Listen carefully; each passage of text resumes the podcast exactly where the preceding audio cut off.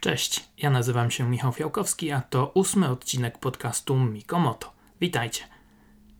Dzisiaj będzie o elektrycznej przyszłości, jaka niewątpliwie czeka sport motorowy i motoryzację w ogóle, a także o testach Moto2 i Moto3 w Walencji. Ale zanim do tego wszystkiego przejdziemy, zacznijmy od kilku newsów z ostatniego tygodnia ze świata wyścigów. Ten najważniejszy z nich to oczywiście potwierdzenie, że Malezyjczyk Hafish Shiahrin weźmie udział w testach MotoGP w Tajlandii w barwach zespołu Monster Yamaha Tech 3 i wszystko wygląda e, na to i wskazuje na to, że zobaczymy go w tym francuskim teamie na pełen etat w królewskiej klasie w tym roku. Będzie pierwszym e, Malezyjczykiem w MotoGP. Miał startować w Moto2 w tym sezonie, ale już wiemy, że tam w zespole który sponsoruje Tor Sepang.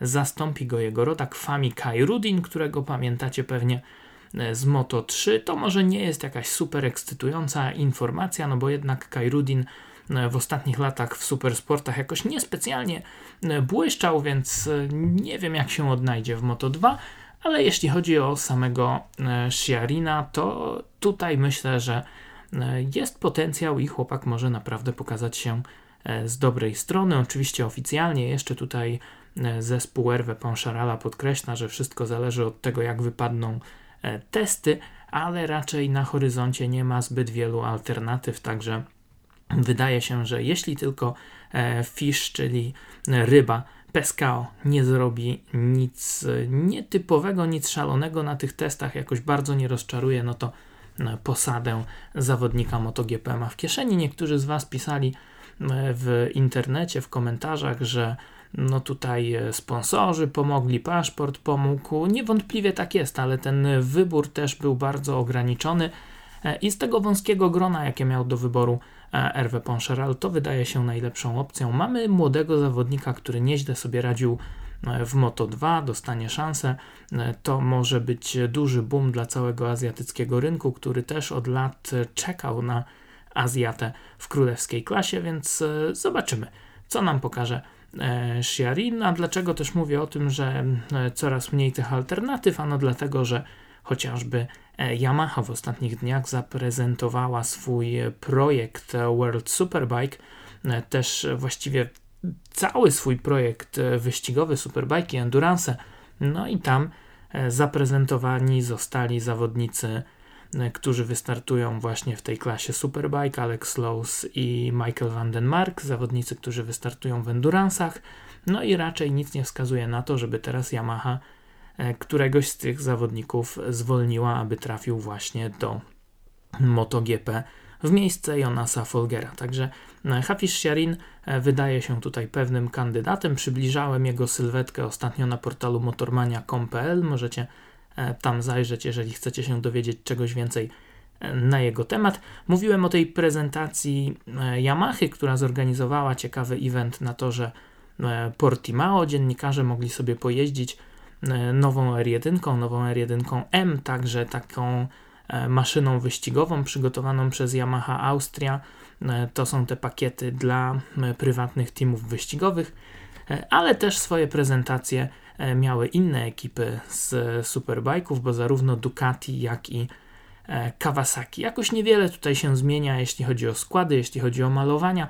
E, przyznam szczerze, że nie miałem jeszcze czasu przygotować na ten temat jakiegoś dłuższego artykułu, ale tak się stanie w najbliższych dniach, więc możecie wypatrywać takiego podsumowania tych prezentacji superbajkowych, a także galerii tych nowych, starych czasami E, motocykli na Motormani e, w najbliższych e, dniach. No i to by było na tyle, jeśli chodzi o newsy z ostatniego tygodnia ze świata wyścigowego. MotoGP troszeczkę powiedzmy odpoczywało, no ale ten tydzień rozpoczął się z pompą, jeśli chodzi o organizatorów MotoGP, którzy w Rzymie razem z włoską marką Enel zaprezentowali zupełnie nowy projekt, projekt jakim jest Puchar Świata E, film dla motocykli elektrycznych klasa Moto E, którą zobaczymy już e, w sezonie 2019, czyli e, już za rok na torach Grand Prix podczas weekendów MotoGP. Te wyścigi będą odbywały się pięć razy w sezonie. Będziemy mieli pięć rund Moto E.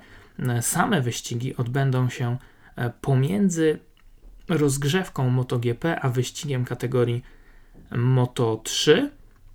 No i to by było na tyle, jeśli chodzi o te kwestie organizacyjne. Przejdźmy może do samego tego projektu.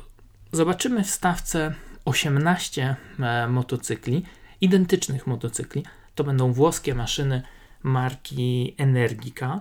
Motocykle, które mogą się pochwalić następującymi parametrami, i moim zdaniem te parametry są naprawdę e, imponujące. 147 koni mechanicznych mocy, 200 Nm dostępne w pełnym zakresie obrotów od 0 do 5000, 250 km na godzinę to jest prędkość maksymalna i tylko 3 sekundy do setki. Także myślę, że to są wyniki, których naprawdę e, nie mógłby się powstydzić żaden sportowy e, motocykl. Także sama ta konstrukcja e, tych maszyn energetika wygląda całkiem nieźle. Wygląda to jak rasowy, wyścigowy motocykl. Jest kratownicowa rama stalowa, e, przypominająca nam konstrukcję KTM, -a. jest aluminiowy wahacz, są hamulce Brembo, opony Michelin oczywiście, no i te baterie, które e, będą ładowane e, od 0 do 100% w zaledwie 30 minut w sposób w pełni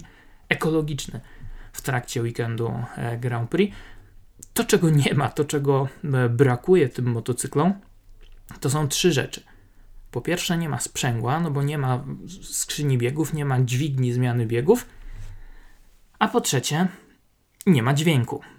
A więc będzie to ściganie no prawie że w, w kompletnej ciszy, chociaż nie do końca, no bo e, będzie słychać oczywiście te wszystkie dźwięki, jakie wydają z siebie opony, będzie słychać ten e, efekt przecinającego powietrza, a Loris Capirossi, były mistrz świata, który testuje te motocykle od jakiegoś czasu, powiedział, że jak pierwszy raz przejechał się tą maszyną, to e, słyszał w zakręcie dźwięk swojego kolana szorującego po asfalcie i to było dla niego bardzo nietypowe przeżycie.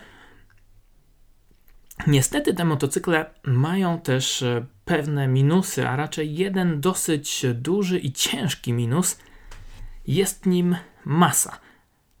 Energika buduje te motocykle już od kilku lat w różnych specyfikacjach i można je po prostu sobie kupić i jeździć nimi e, po drodze. I taka wersja e, Ego, która jest e, najbardziej zbliżona do tego motocykla, który widzieliśmy na tej prezentacji w Rzymie, no praktycznie wygląda identycznie, ale w, w drogowym wydaniu, a więc ze światłami, z kierunkowskazami i tak dalej, i tak dalej. No i ta drogowa wersja e, waży niestety 258 kg, a to jest no, no, bardzo dużo, bo przypomnijmy, motocykl MotoGP waży 157 kg, maszyna Moto2, która ma podobną moc e, do tych maszyn Energiki, to już jest zaledwie około 140-150 kg, także e, ta różnica jest naprawdę duża. Oczywiście zdejmiemy lampy, zdejmiemy owiewki, no kilka innych rzeczy tam pewnie da się zmodyfikować. E, jest tam też w tej drogowej wersji zapewne bardzo ciężki, może i nawet kilkunasto albo przynajmniej kilkukilogramowy układ ABS. No ale nawet jak to wszystko zdejmiemy, to jest to grubo z pewnością powyżej 200 kg, a więc to sporo. No i ciekawe, jak to wpłynie na prowadzenie tych motocykli, na wrażenia z jazdy. Jeśli chodzi o te drogowe motocykle, no to wielu dziennikarzy już je testowało i no, generalnie ta maszyna zbiera dosyć dobre recenzje. Dziennikarze mówią, że nieźle przyspiesza, nieźle się prowadzi, ale z tym przyspieszeniem powyżej powiedzmy 120 km na godzinę jest już może troszeczkę e, gorzej. Mówiłem o tym, że e, będzie 5 rund, że te wyścigi będą się odbywały pomiędzy rozgrzewką MotoGP i wyścigiem Moto3. Jeszcze oficjalnie nie jest to potwierdzone, na których torach te e, rundy będą się odbywać. Podejrzewam, że jednak będzie to się wszystko działo w Europie z uwagi na zaangażowanie też tej marki Enel. E, myślę, że może i obie rundy nawet odbędą się, dwie rundy odbędą się we Włoszech, a więc i na Mugello i w Misano.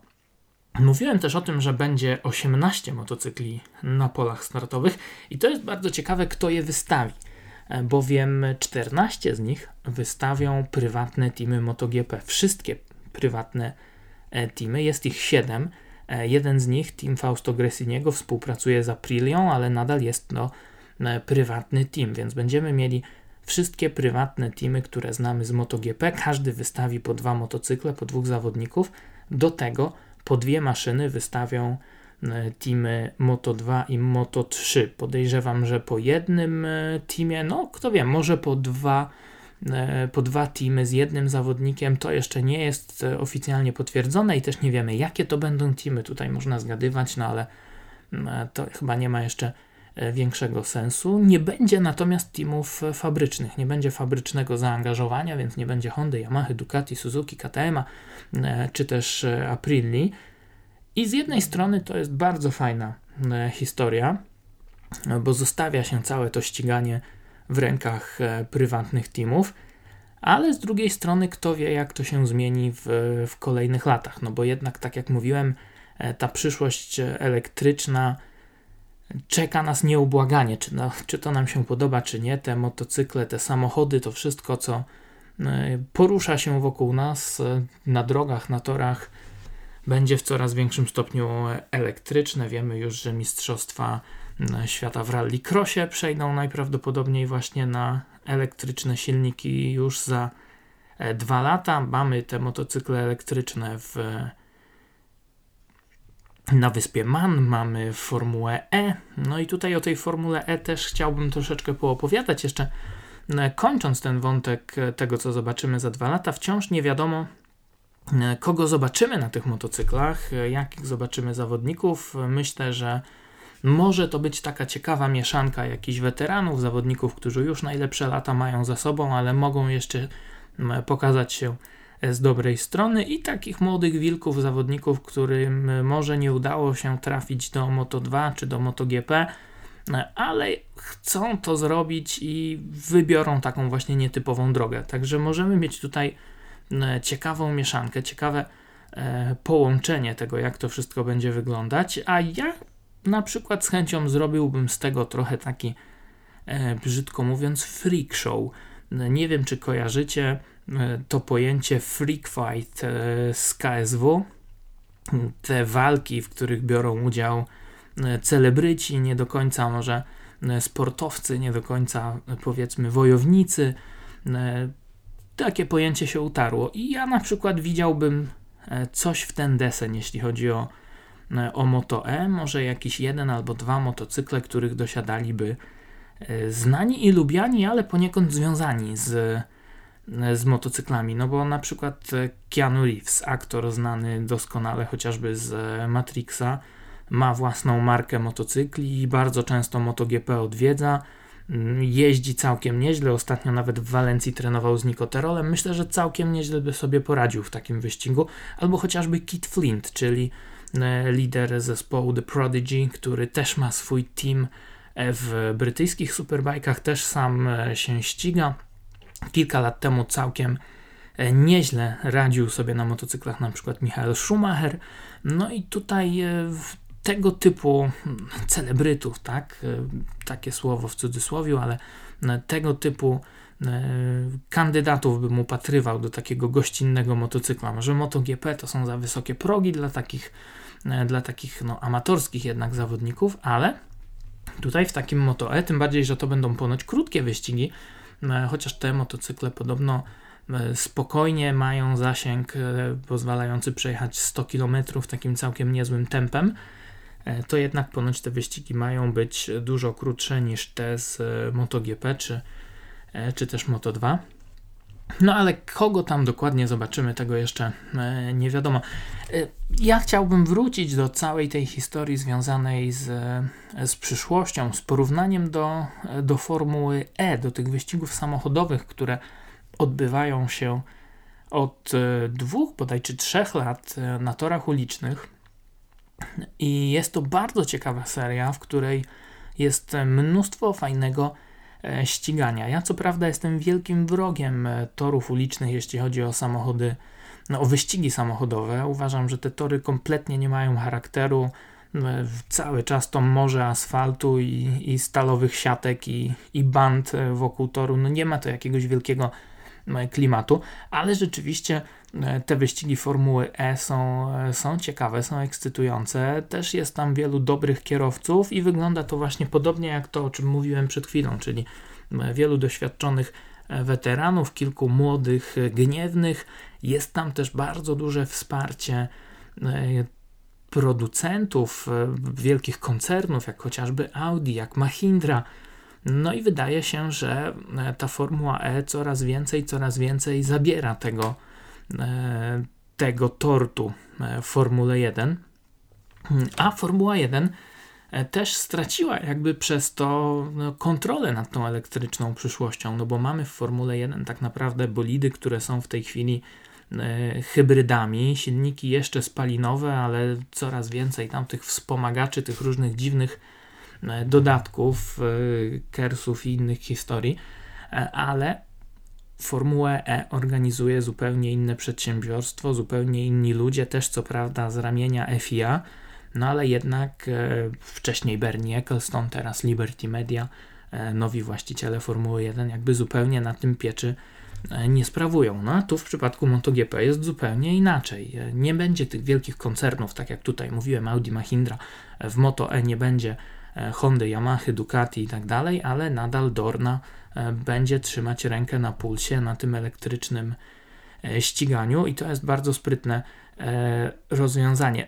Odważnie też Dorna do tego podeszła, no bo oni się nie boją tego porównania do MotoGP czy nawet do Moto2, nawet jak się okaże, że E, te czasy okrążeń będą dużo wolniejsze, no to e, miejmy nadzieję, że jakość tego widowiska i tych wyścigów będzie w stanie e, to wszystko nadrobić. No bo Formuła E ściga się na torach ulicznych po części dlatego, żeby nie dało się tych czasów porównać nie tylko z Formułą 1, ale też z innymi seriami wyścigowymi, czy to z bolidami, czy to z samochodami GT. Podobno bliżej tym bolidom Formuły E E, do osiągów e, właśnie prototypów LMP3 niż do Formuły 1, czyli nie, nie 900, a, e, a 400 koni. Te opony też zostawiają dużo do, do życzenia, ale widowisko jako całość jest bardzo ciekawe, więc nikt się tym jakoś specjalnie nie przejmuje, tym bardziej, że tych czasów okrążeń nie da się porównać z uwagi na inną charakterystykę torów. Tutaj będzie inaczej i będzie tak przez 3 lata, bo na 3 lata została podpisana umowa z Energiką, przez 3 lata będzie ten jeden dostawca motocykli. A co się wydarzy za 3 lata? No może być bardzo ciekawie, może to podejście się całkowicie zmienić, może Dorna otworzyć drzwi różnym dostawcom motocykli, wtedy może wejdą właśnie te znane z MotoGP marki, no i może to wszystko się zupełnie zmieni. Jedno jest pewne, te wyścigi e, motocykli elektrycznych, ten sport w wydaniu elektrycznym. No nie wiem, czy to jest przyszłość, tak, ale na pewno widać, że jest to kierunek, na który przynajmniej jeśli spojrzymy na branżę e, samochodową, no to jest to kierunek, który już obrali producenci, w którym będą dążyć. No i pozostaje nam e, wąchać te spaliny, upalać się tym e, dźwiękiem silników spalinowych. Zobaczymy, jak długo. Szczerze mówiąc, ja nie mam jakichś specjalnych sentymentów i jeżeli tylko ściganie będzie ciekawe, jeżeli będzie fajne, to nawet jak się będzie odbywać w kompletnej ciszy, e, czemu nie? Loris Capirossi nie jest e, jedynym, który mówi, że te, te silniki elektryczne e, imponują momentem obrotowym, imponują tym, że po prostu kiedy nie donasz tego gazu, e, to ta moc jest dostępna od razu, jest dostępna cały czas. Ten silnik przyspiesza bardzo równo i to jest bardzo fajne, to jest bardzo ekscytujące. E, zobaczymy, w którym kierunku będzie się to wszystko e, rozwijało. No, może dzisiaj nie jest to jakoś super ekscytujące, i może e, też macie wrażenie, że ten odcinek dzisiejszy nie jest jakiś super, mega ekscytujący w porównaniu z tym wszystkim, co się dzieje w MotoGP, ale warto mieć na to wszystko oko, no bo tak czy inaczej, ta historia elektryczna w jakimś stopniu to jest jednak przyszłość. No ale dobra, zostawmy to. To jest przyszłość, to dopiero przed nami, a my wracamy na klasyczne tory wyścigowe, na klasyczne motocykle, czyli przed nami kilka słów podsumowania tego, co działo się podczas testów Moto2 i Moto3 w Walencji. Zespoły tych dwóch mniejszych kategorii e, Grand Prix w tym tygodniu jeździły w Walencji przez 3 dni, a przynajmniej miały jeździć przez 3 dni, bo pierwszego dnia, 6 lutego, no, teamy przywitały opady deszczu, bardzo niskie temperatury, no i praktycznie pierwszego dnia ze stawki Moto 2 wyjechał na tor tylko Dominik Ageter, Szwajcar, o którym warto tutaj no, wspomnieć, że Miał ostatnio sporo problemów.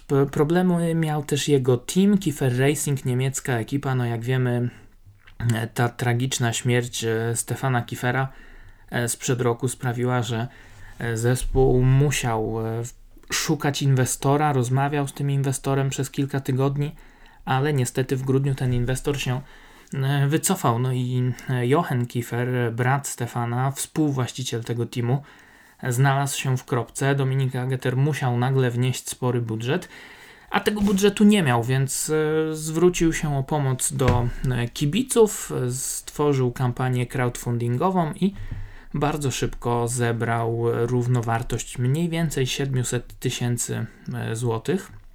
To wystarczy na pokrycie tych wszystkich kosztów związanych z jego startami, więc Dominik Ageter E, ponownie będzie w stawce Moto 2. Pojedzie, pojedzie KTM-em, przepraszam. On Kalexa nie bardzo lubi, zawsze chciał jeździć na suterze. No wiemy, że ten suter w tym sezonie najpierw się wycofał, później jednak się dogadali z Forward Racing.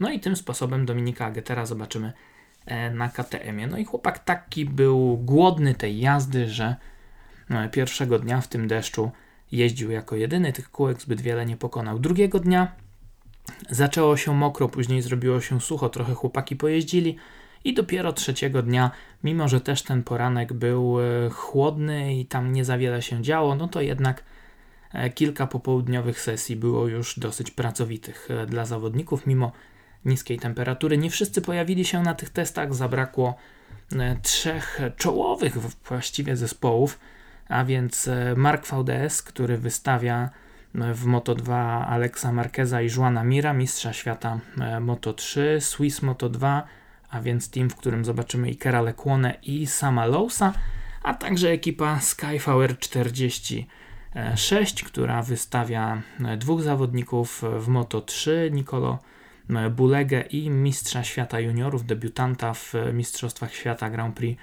Denisa Foggie, a także dwóch zawodników w kategorii E, Moto 2, w tym Peko Baniaje, który e, no już jedną nogą podobno prawie w MotoGP w Pramaku, ale to dopiero e, za rok. Podopieczni Valentino Rossiego zamiast testować w Walencji zorganizowali sobie właśnie teamową prezentację we Włoszech. Malowania tych ich motocykli zupełnie się kompletnie nie zmieniły, ale to i dobrze, bo jest to chyba najładniejsze malowanie w tych małych klasach. Ja jeszcze nie mogę się przekonać do tego malowania motocykla sama Lowsa właśnie zespołu Swiss Moto 2, ale zobaczymy jak będzie to wyglądało w, w praktyce. W Moto 3 z kolei warto tutaj zwrócić uwagę na e, dwie nowinki, mianowicie nowe motocykle i KTM-a i Hondy. W KTM-ie wyraźnie zmienione owiewki, szersze, bardziej agresywnie wyprofilowane, z przodu mocniej jakby połamane te, e, te linie, no i KTM zdeterminowany, żeby odbić sobie za ten fatalny wręcz sezon 2017, ten sezon, który zdominowała absolutnie e, Honda.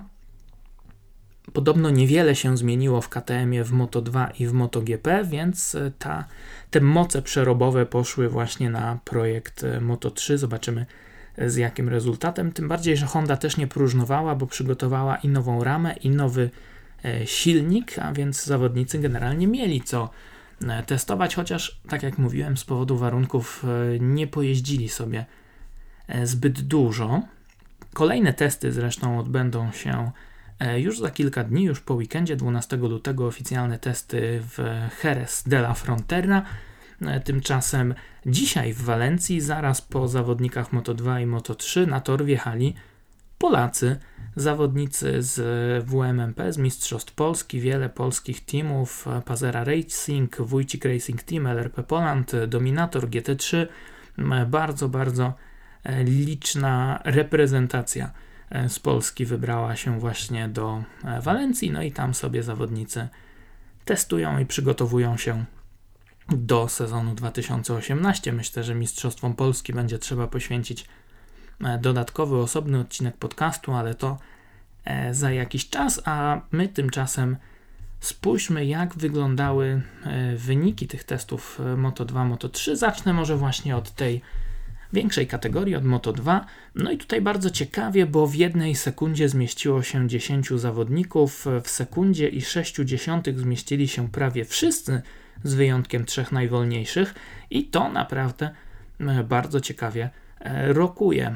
Co prawda te czasy o mniej więcej pół sekundy, prawie nawet sekundę wolniejsze od rekordowego tempa, no ale to spowodowane tymi mało korzystnymi warunkami.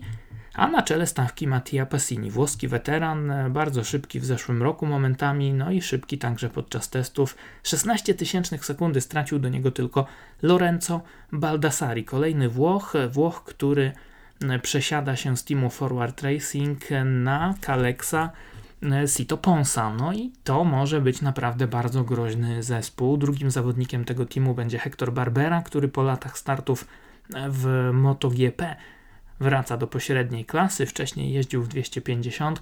Podkreślał w Walencji Barbera, że te motocykle Moto2 wymagają no, zupełnie innego stylu jazdy, ponieważ e, trzeba szybciej przejeżdżać e, środek zakrętów. Nie można e, jechać tak wolno w środku łuku, bo później nie ma tej mocy na wyjściu. Trzeba tą prędkość utrzymywać. Trzeba też mocniej używać i częściej używać sprzęgła, więc sporo pracy przed Barberą. Barbera był szósty podczas tych testów. Przed nim z trzecim czasem Simone Corsi, który dołączył do zespołu Tasca Racing, a więc przesiadka na, KT, na Kalexa, przepraszam. No i mm, ciekawe, co nam pokaże e, włoski weteran Miguel Oliveira, zwycięzca trzech ostatnich wyścigów poprzedniego sezonu i w tej chwili chyba główny faworyt do tytułu zakończył testy z czwartym czasem. Miguel Oliveira ponownie oczywiście na fabrycznym KTM, a tę dziesiątkę, która zmieściła się w jednej sekundzie, zamyka właśnie jego kolega zespołowy e, Brad Binder z RPA. E, piąty czas Isaac Vinales na Kaleksie e, zespołu Stop and Go, zespołu, który testuje takie ciekawe rozwiązanie przy tylnym wahaczu, które ma eliminować wibracje. Podobno to testowali już także w poprzednim e, sezonie. Ciekawie to wygląda. Barbera szósty, jak mówiłem później, Schrotter i Bierche, zespół Dynavolt Intact GP na Kaleksach, a następnie debiutant Romano Fenati z dziewiątym czasem. Za Bradem Binderem, za pierwszą dziesiątką mamy e, Fabio Quartararo, który przesiada się na speed-upa e, holenderskiego debiutanta Bob Benschneidera, później amerykański debiutant e, Joe Roberts na motocyklu NTS, no, na motocyklu japońskim, który będzie tutaj wielką niewiadomą. Jego kolega zespołowy Steven Odendal z RPA, były mistrz Europy, także Moto2 Steven Odendal wraca do Mistrzostw Świata po też krótkiej nieobecności. E, Jorge Navarro i Remy Gardner przed Odendalem zakończyli te testy, zanim byli Tetsuta Nagashima i Dany Kent, który także powraca do łask na speedupie, podobnie jak Fabio Quartararo. No tutaj trochę się obawiam tej konstrukcji, ale zobaczymy co nam panowie e, pokażą. Najszybszy suter to był Stefano Manzi, 19 pozycja, zanim Locatelli Brazylijczyk Eric Granado, później Kairul Pavi, Dominik Ageter, o którym mówiłem, ostatecznie dopiero 23, ta sekunda i 60 straty, a za nim ci, którzy wyraźnie odstawali, a więc Fulini, Danilo i Fami Kairudin, o którym mówiłem na samym początku. Fami, który stracił prawie 3 sekundy do e, Mati Passiniego. Tak to wyglądało, jeśli chodzi o kategorię e, Moto 2. Spójrzmy jeszcze na wyniki Moto 3 i tutaj również e, niezłe tempo czołówki, tutaj również e, bardzo mocno ściśnięta stawka, bo aż 16 zawodników zmieściło się w jednej sekundzie. Na czele Jorge Martin z zespołu Del Conca Gresini Moto 3, ekipa Fausto Gresiniego, Włocha, byłego mistrza świata. Muszę przyznać, że no może jeszcze nie malowanie, bo te owiewki karbonowe, ale sposób w jaki e, umieszczone są naklejki na tym motocyklu bardzo mi przypomina e, motocykle e, Jorge Martineza Aspara sprzed jakichś 10 lat. Więc takie sentymentalne wspomnienia tutaj. A Jorge Martin, oczywiście zawodnik, który w zeszłym roku wiele razy e, wygrywał kwalifikacje, startował z pole position, no ale nie mógł tego przełożyć później e, na równie imponującą ilość e, zwycięstw. Myślę, że w tym roku może być groźny. Póki co na czele w testach, zanim Enea Bastianini, który zmienił barwy, dołączył do zespołu Leopard Racing, do ubiegłorocznych mistrzów z Juanem Mirem. Mniej niż 1 dziesiąta straty do E, Jorge Martina. No i Bastianini motocykl zna doskonale, ale podkreśla, że e, zachwycony chemią w zespole, atmosferą w garażu, więc zobaczymy, czy wreszcie tę szansę e, włoska bestia wykorzysta. Marco Bezecchi zaimponował, były mistrz Włoch, najszybszy zawodnik KTM-a na trzeciej pozycji, za nim Aaron Canet, później Nicolo Antonelli, Filip Oettel, Tony Arbolino, Albert Arenas z zespołu Aspara, czyli ekipy, która nazywa się w tym roku Angel Nieto Team. Ten zespół po kilku latach współpracy z Mahindrą przesiada się na KTM-y, no i zobaczymy w nim właśnie Alberta Arenasa i André Minio. I tutaj jestem bardzo ciekawy, co ci zawodnicy nam e, pokażą. Dziesiątkę zamknął e, Gabriel Rodrigo, Argentyńczyk z zespołu RBA. To jest ten zespół, w którym jeździł też Juan Fran Guevara. On zakończył karierę, jak wiemy, e, tej zimy. No i tutaj pojawił się oczywiście nowy zawodnik w jego miejsce, Japończyk Kazuki Masaki, ale pojawił się też nowy sponsor, e, Skullrider, czyli marka produkująca okulary przeciwsłoneczne, marka, która należy przecież do Jorge Lorenzo, do mistrza świata MotoGP. No i tu jest mnóstwo takich ciekawych, subtelnych połączeń, bo E, Jorge Lorenzo i e, Gabri Rodrigo mają tego samego menadżera. E, tego samego menadżera zresztą ma Jorge Martin i Aleix Spargaro również. No i to wszystko jakby łączy się w jedną całość, bo to przecież Aleix Spargaro pomagał przy założeniu tego teamu RBA. Także ciekawe tutaj, że Jorge Lorenzo zaangażował się w sponsoring teamu Moto3, przynajmniej pośrednio. Jorge Lorenzo oczywiście wraca na swój motocykl 16 lutego w Tajlandii, ale Lorenzo ale Dalla Porta zakończył testy Moto3 z 11 czasem, zanim Ayumi Sasaki, Kazumi Masaki to są ci dwaj Japończycy, później Andrea Migno, Livio Loi na KTM-ie, Fabio Di Gian Antonio, Włoch, kolega zespołowy Jorge Martina, zamyka tę grupę 16 zawodników, którzy zmieścili się w jednej e, sekundzie. E, Zanim mamy jeszcze Johna Makwi, Tatsukiego Suzuki, Makara Jurczenko, zawodnika z Kazachstanu, a później Darren Binder. E, Darren Binder, czyli młodszy brat byłego mistrza Moto3, Brada Bindera, brat w Moto2, brat Brada Darren w Moto3, dwóch Binderów w tym samym teamie Red Bull KTM. O ciekawe jak sobie poradzą. Podczas testów jeszcze e, mamy tutaj Kornfeila, Alitawuna, Pata, e, Tobe i Norodina. I to jest właśnie stawka tych 24 zawodników, którzy testowali e, w Walencji. Ja szczerze mówiąc miałem nadzieję, że będzie trochę więcej newsów z tych testów Moto 3, Moto 2, no ale niestety niewiele się działo, pogoda fatalna, więc musicie wybaczyć i poczekać na kolejny odcinek E, podcastu. Ten kolejny odcinek e, za tydzień, e, za tydzień, dokładnie w piątek, rozpoczynają się te testy MotoGP w Tajlandii. Nowy tor, tor w Buriramie, tor Chang. Szybki tor, dużo wolnych zakrętów, ale też długich, prostych, więc może być tam bardzo szybkie Ducati.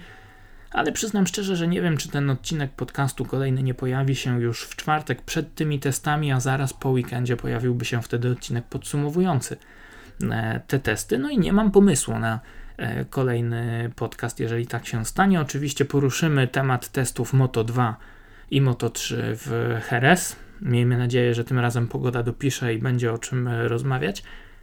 Ale jeżeli tak się nie stanie, a nawet jeśli tak się stanie, no to może tym razem poopowiadam trochę o tych rzeczach, które Was interesują, czyli może zrobimy sobie taką sesję QA, sesję pytań i odpowiedzi. Jeżeli macie jakieś pytania, jeżeli chcecie, abym poruszył jakieś wątki za tydzień związane z MotoGP czy z wyścigami motocyklowymi w ogóle, no to piszcie. Piszcie albo w komentarzach E, pod tym odcinkiem e, w SoundCloudzie, albo w komentarzach pod tym odcinkiem na moim Facebooku, albo w wiadomościach prywatnych na Facebooku, na Twitterze czy na Instagramie. E, macie te wszystkie linki w opisie odcinka na SoundCloudzie, na Facebooku wiecie, gdzie mnie szukać, także czekam na Wasze pytania powiedzmy do środy, a w czwartek robimy taki podcast z testami Moto2, Moto3 w Heres i z pytaniami i odpowiedziami e, na te kwestie, które Was najbardziej e, nurtują. A teraz już chciałbym Wam życzyć udanego weekendu i do usłyszenia e, za tydzień. To był ósmy odcinek podcastu Mik o Moto. Ja nazywam się Michał Fiałkowski. Dzięki bardzo za uwagę. Do usłyszenia. Hej!